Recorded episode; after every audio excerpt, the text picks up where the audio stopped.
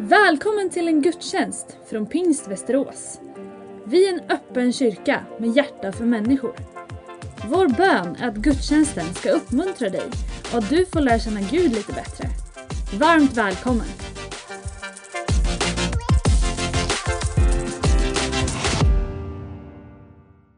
När jag förberedde den här predikan så tänkte jag tanken, vem i all världen har planerat de här gudstjänsterna så den här texten kom den här söndagen?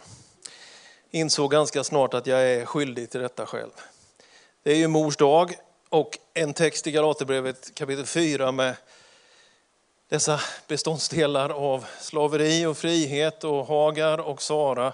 Vi får se om vi tar oss igenom den här predikan på ett något sånär hyfsat sätt. Så kanske det här är eh, en, en söndag att jag kommer få många eh, synpunkter efter predikan, vad vet jag.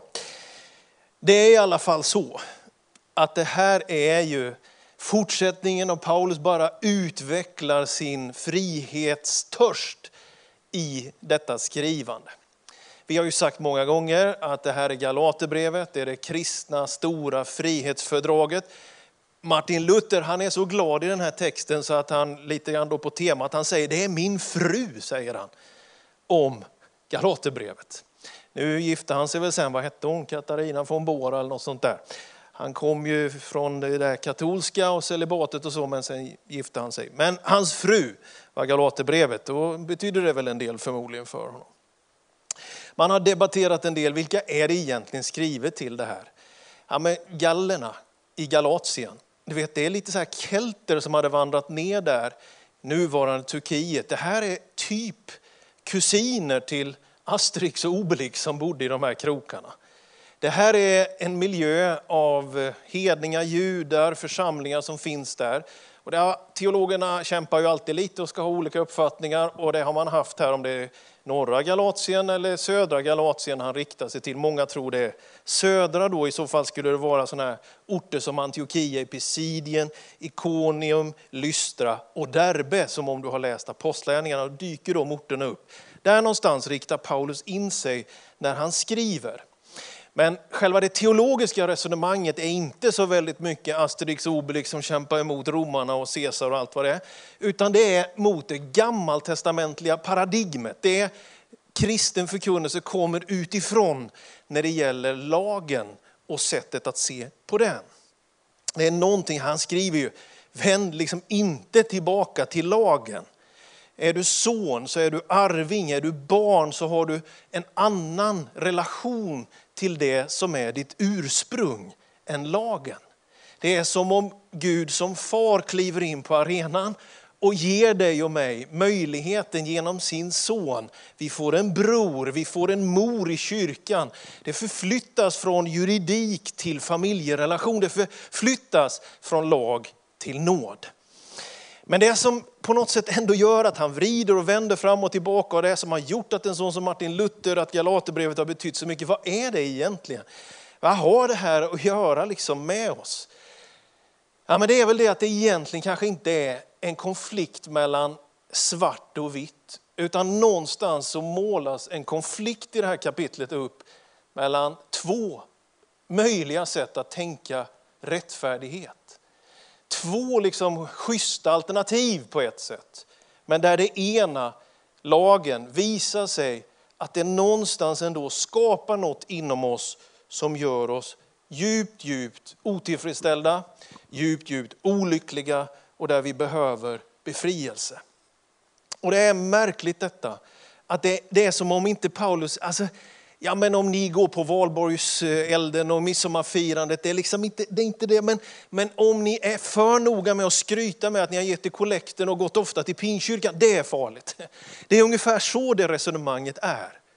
Han, han, han är liksom inte så väldigt inne här på problemet med de grekiska gudarna och filosoferna. Det är han vid andra tillfällen. Men här är det faktiskt så att han gör upp med religiöst eh, skrammelgods av historien som de på något sätt ändå börjat lyssna till predikningar, teologer, gästresande predikanter, vad det var för ena, som på något sätt försökte få dem tillbaka till håll lagen om du ska kunna blidka Gud. Fyll upp i din egen styrka det som Gud kräver av dig. Alltså här är den här på något sätt kampen mellan rättfärdighetssystemen. Jag tycker det är, är, är vackert liksom att Gud bevisar genom det som Paulus föder fram och det som blir kristen förkunnelse om nåd. Att det inte handlar om att vi först har älskat honom, utan han först har älskat oss. Paulus är ju inne på det och skriver om här, ja, jag visst absolut att ni känner Gud, men det är ju mer rätt att säga ni är kända av Gud. Och det är på något sätt en slags söndagshälsning till dig. Du som tycker det är bra länge sedan jag fick ett bönesvar. Det är bra länge sedan jag kände någonting. Jag blir inte berörd av varken sånger eller något annat. Knappt att naturen, trots att vi gillar att vara ute i naturen och det med rätta, så, så är det som att våra receptorer ibland klingar av och vi tycker Gud är långt borta. Då är min hälsning den här söndagen i alla fall till dig. Även om du känner, jag känner inte Gud, jag känner inte av Gud, så känner han dig. Och det är egentligen det som är hela det här skiftet i Galaterbrevet. Gud söker kontakt med dig, Gud är nyfiken på dig. Gud vill vara din pappa, Gud vill ha dig runt bordet. Gud vill vara med dig och arbeta och ha semester. Gud känner dig. Det är frihet. Inte att han ser dig och vaktar över dig, han ser dig och vakar över dig, han längtar efter dig. Den friheten av att han som gav oss livet bryr sig om att vi också då ska kunna leva. Så, så det är så på något sätt väldigt, väldigt vackert. Då ska man veta att Paulus och den judiska så att säga, själen kommer ju ur ett sammanhang där man till exempel skulle lära sig mycket, att tradera muntligt.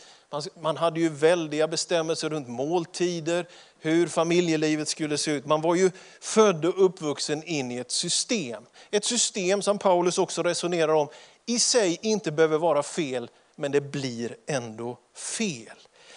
Så, så han, han, han, gräver i detta och så mitt i det så kommer det här fantastiska då.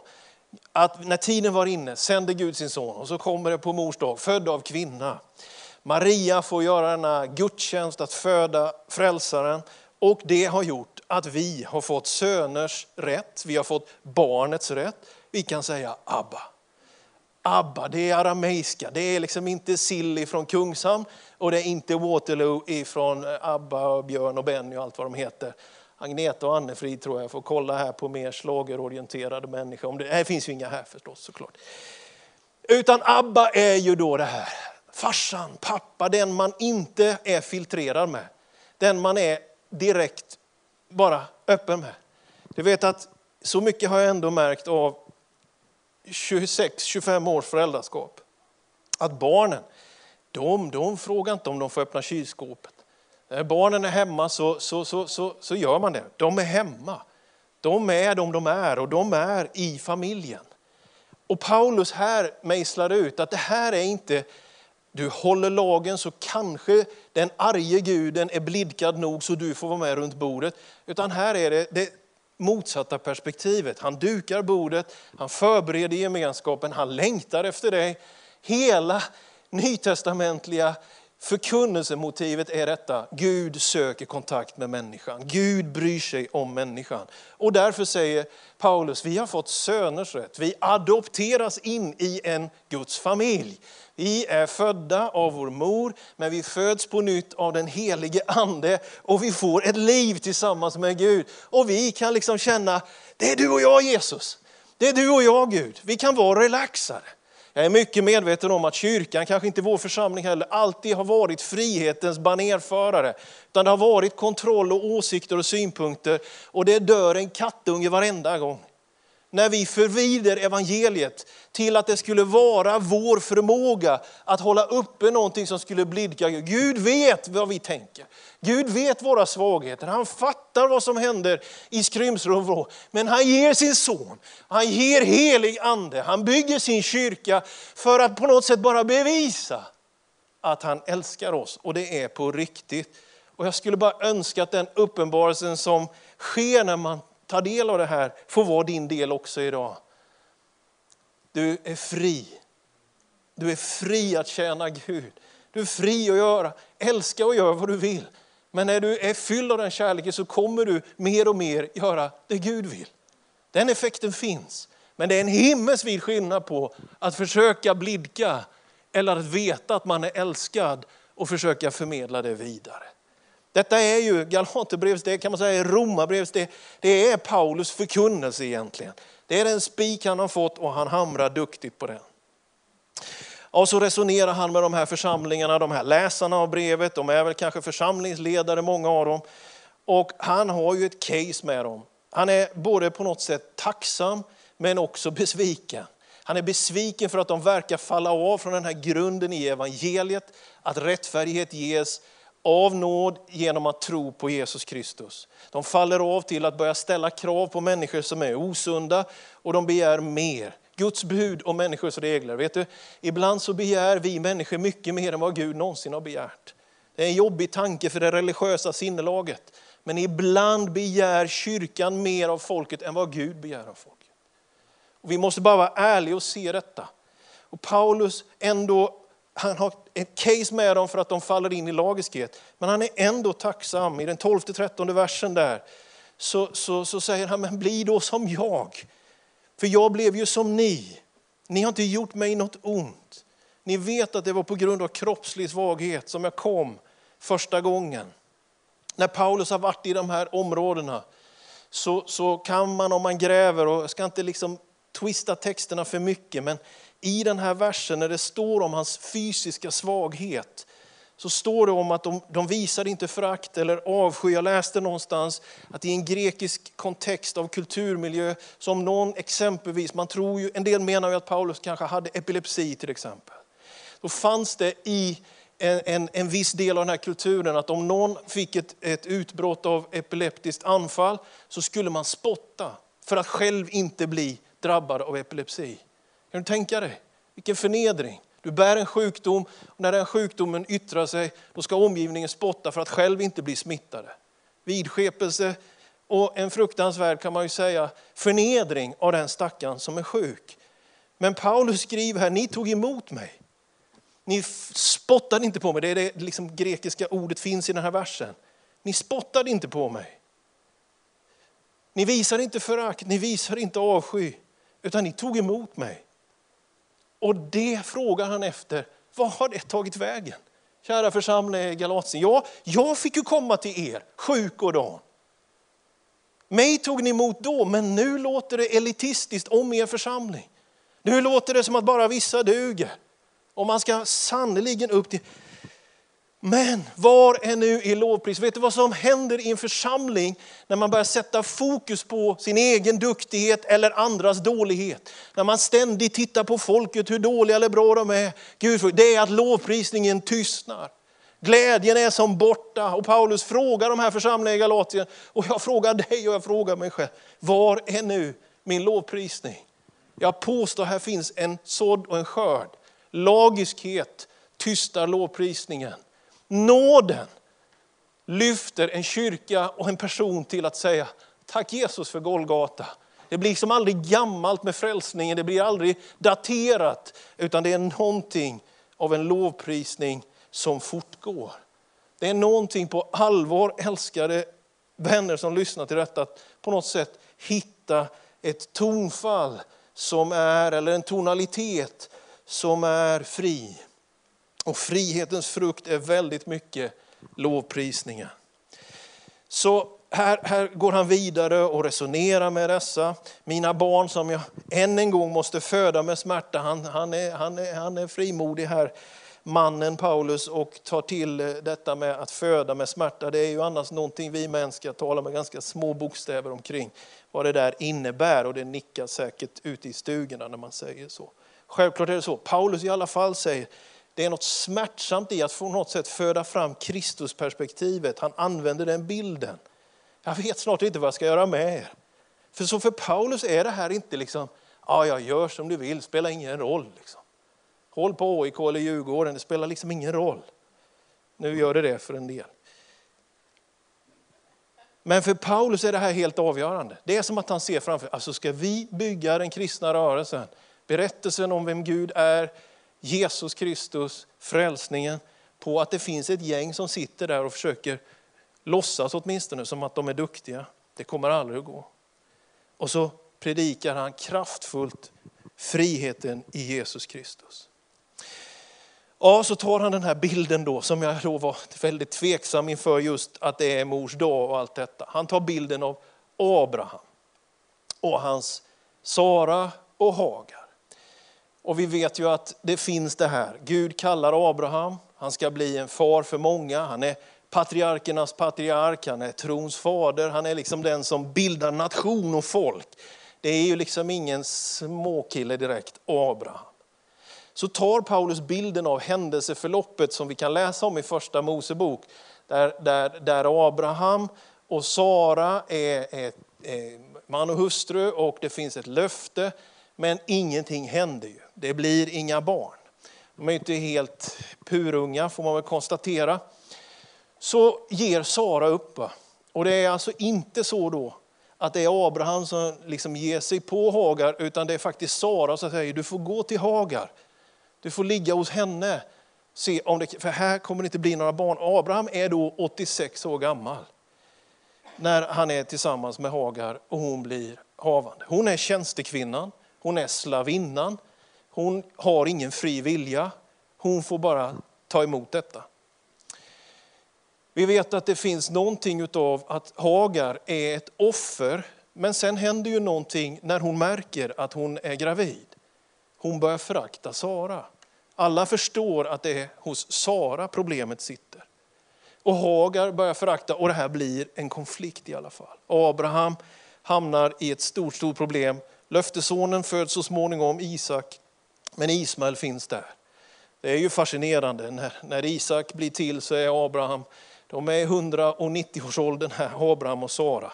Så att det, det, det, man kan skjuta nya skott, jag, jag ska inte kommentera det allt för mycket, men, men det är ju fascinerande. Jag, då, ja, nej, jag måste släppa det där.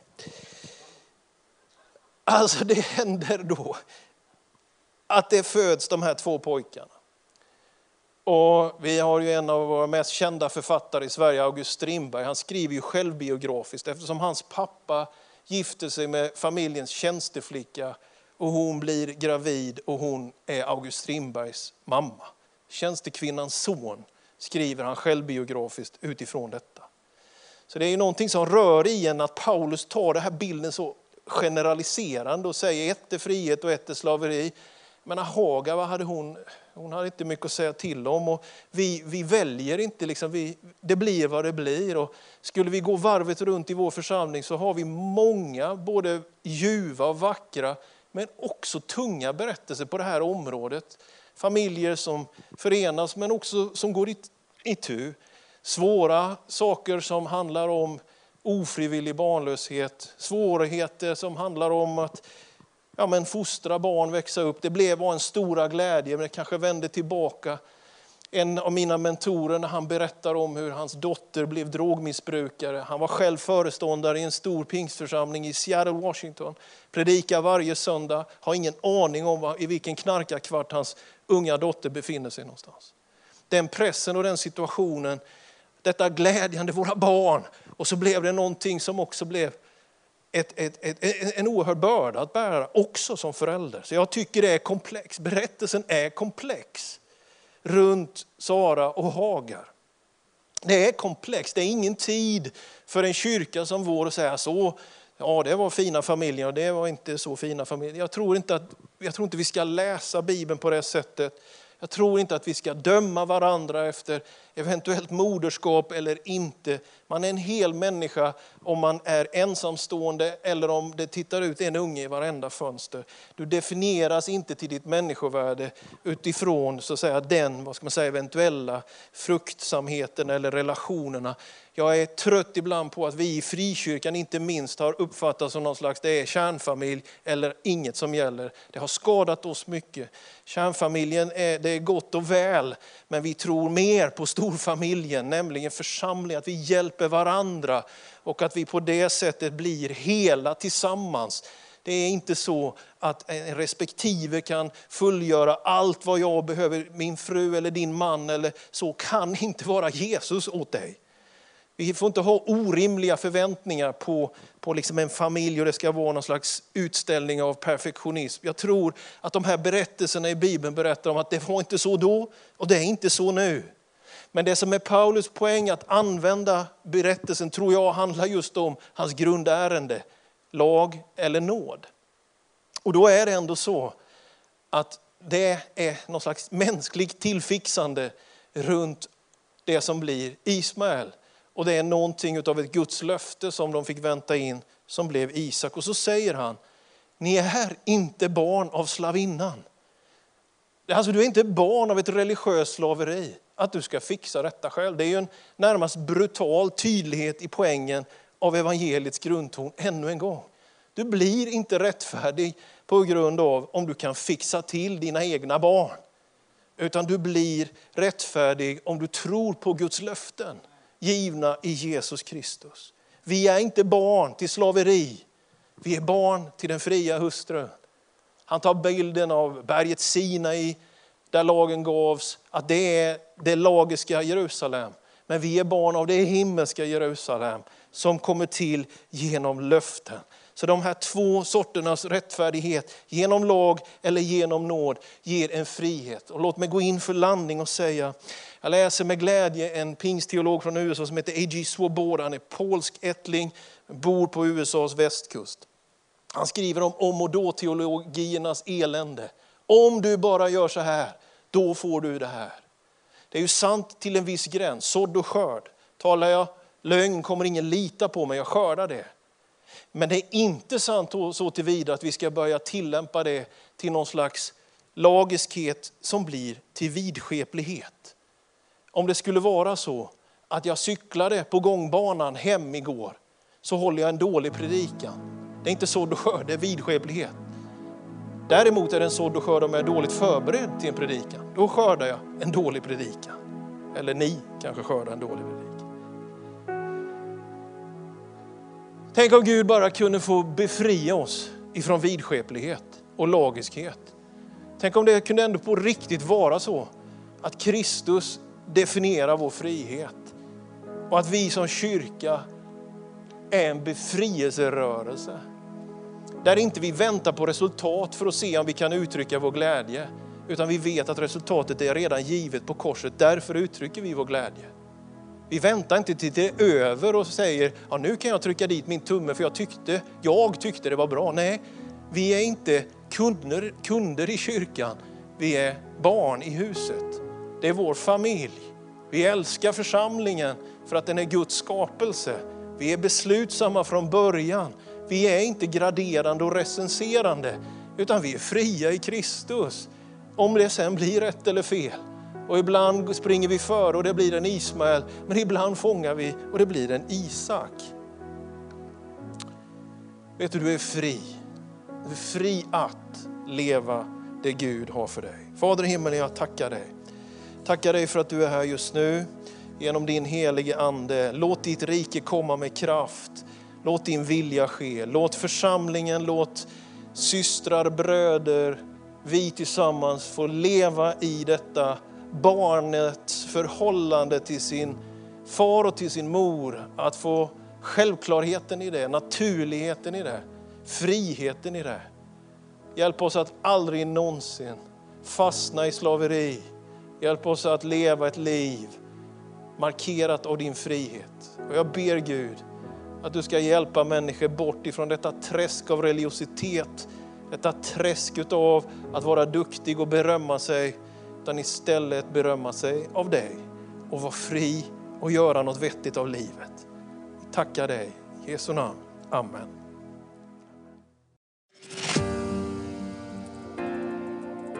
Du har lyssnat på en gudstjänst från Pingst Västerås. Har du frågor om församlingen eller vill veta mer om kristen tro kan du gå in på vår hemsida vasteras.pingst.se Varje söndag firar vi gudstjänst tillsammans klockan 10.30. Välkommen att vara med via webben. Sök efter vår Youtube-kanal, Pingst Västerås, så hittar du livesändningen.